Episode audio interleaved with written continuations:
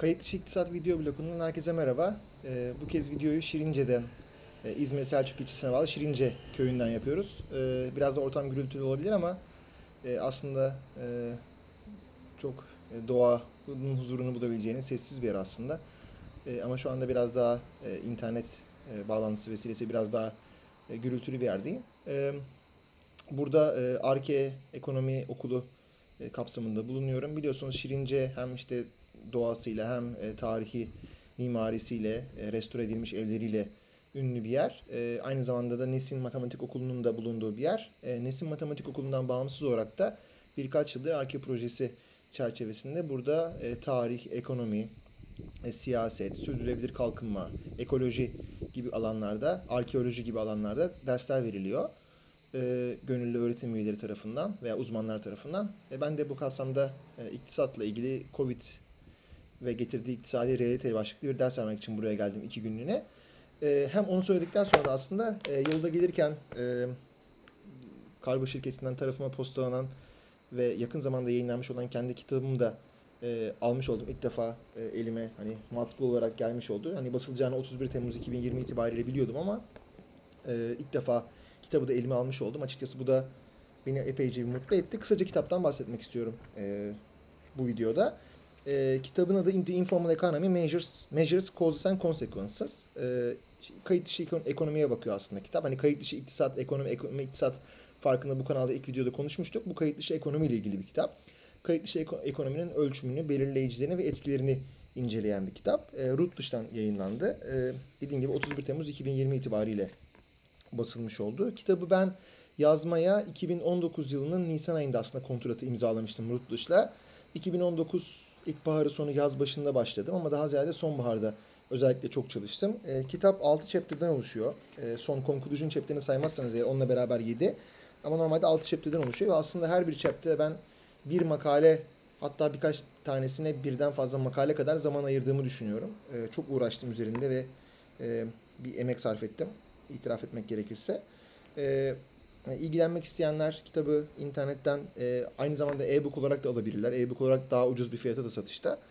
E, kitabın 6 chapter'ı var dediğim gibi. İlki Informality, Curse or Opportunity yani kayıt dışılık bir lanet midir yoksa fırsat mıdır başlığını taşıyor. İkinci chapter Definitions of Informality kayıt dışılığın tanımını yapmaya çalışan bir chapter ve e, kayıt dışılığın çünkü üzerinde konsensus sağlanmamış birçok tanımı var ne yazık ki. E, onlara bakıyor. Aynı zamanda da bir e, literatür taraması yapıyor. Sonrasında kayıt dışılığın ölçümüyle ilgili Measuring Informality başlıklı bir chapter var. E, o da mevcut yöntemleri e, üzerinden geçiyor mevcut yöntemlerin ve daha sonrasında da benim de kat üzerinde geliştirmesine katkıda bulunduğum bir yöntemi anlatıyor. Dördüncü chapter'ın başlığı Size of the Informal Sector Worldwide. Bu sefer benim e, geliştirilmesine katkıda bulunduğum yöntemi kullanarak dünyada kayıt dışı ekonominin büyüklüğünü ölçmeye çalışıyor ve bununla ilgili istatistikler sunuyor. E, hem küresel anlamda hem de bölgesel anlamda hem de şehirlerden aslında şehirsel anlamda. Çünkü şehir bazında da kayıt dışılığı ölçmek mümkün. Yani İstanbul'da aslında gerekli veri olsa İstanbul için ölçebilmiş değilim açıkçası ama gerekli veriye sahip olmadığım için ama olsa ölçebiliriz. Onun dışında ama pek çok Avrupa ve e, Amerikan şehri için e, bu ölçümü yaptım çalışmamda.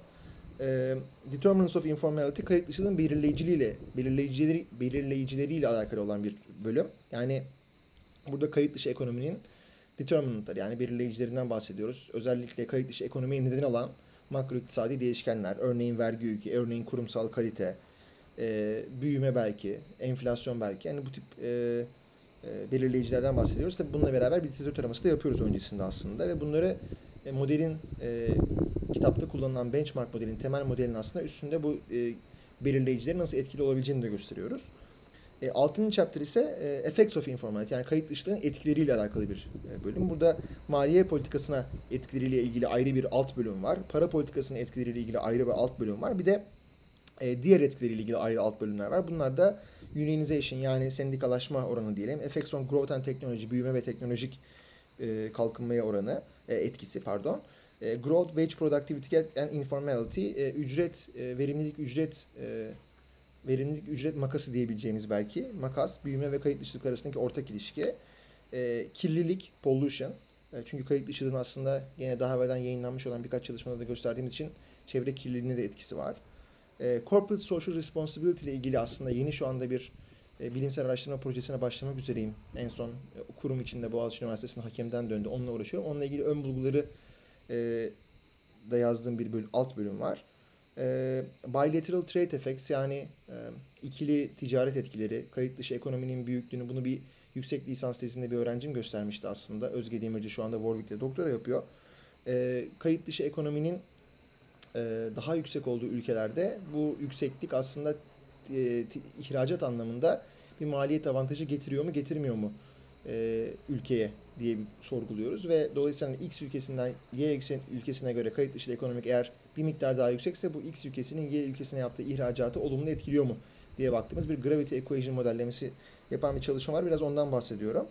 bir de implications for policy makers yani politika yapıcıları olan çıkarılabilecek derslerle ilgili bir alt bölüm var. Sonrasında da 7. bölümde concluding remarks, conclusion yaptığım bir bölüm.